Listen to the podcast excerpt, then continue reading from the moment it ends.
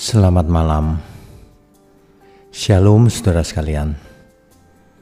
Senang sekali malam ini kita bisa merenungkan kebenaran ini bersama-sama.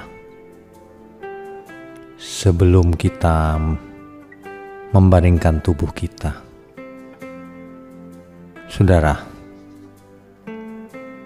kita tahu bahwa Allah itu adalah kasih Ia sangat mengasihi manusia ciptaannya. Itulah sebabnya kita pun harus mengasihi sesama kita. Sebagai anak Allah, kita harus memiliki natur atau karakter yang sama dengan Bapa kita di surga.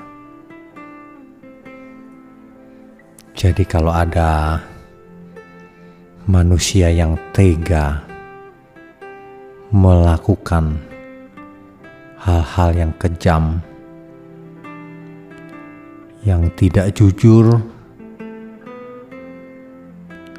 yang menyakitkan orang lain, bahkan tega menyiksa orang lain.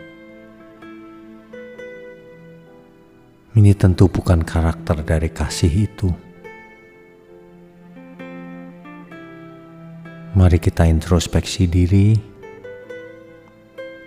Apakah kita masih punya rasa tega terhadap orang lain?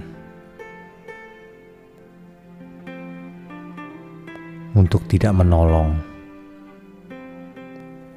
untuk tidak menyenangkan Tuhan Apakah kita tega?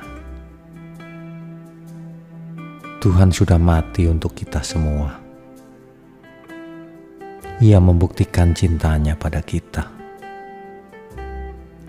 Apakah kita tega, saudara? Tidak mengasihinya. Apakah kita tega masih hidup di dalam dosa? Sebab itu sama dengan menyakiti hati Tuhan. Tuhan mati untuk kita, agar setiap kita berubah, bertobat, dan tidak berani lagi berbuat dosa.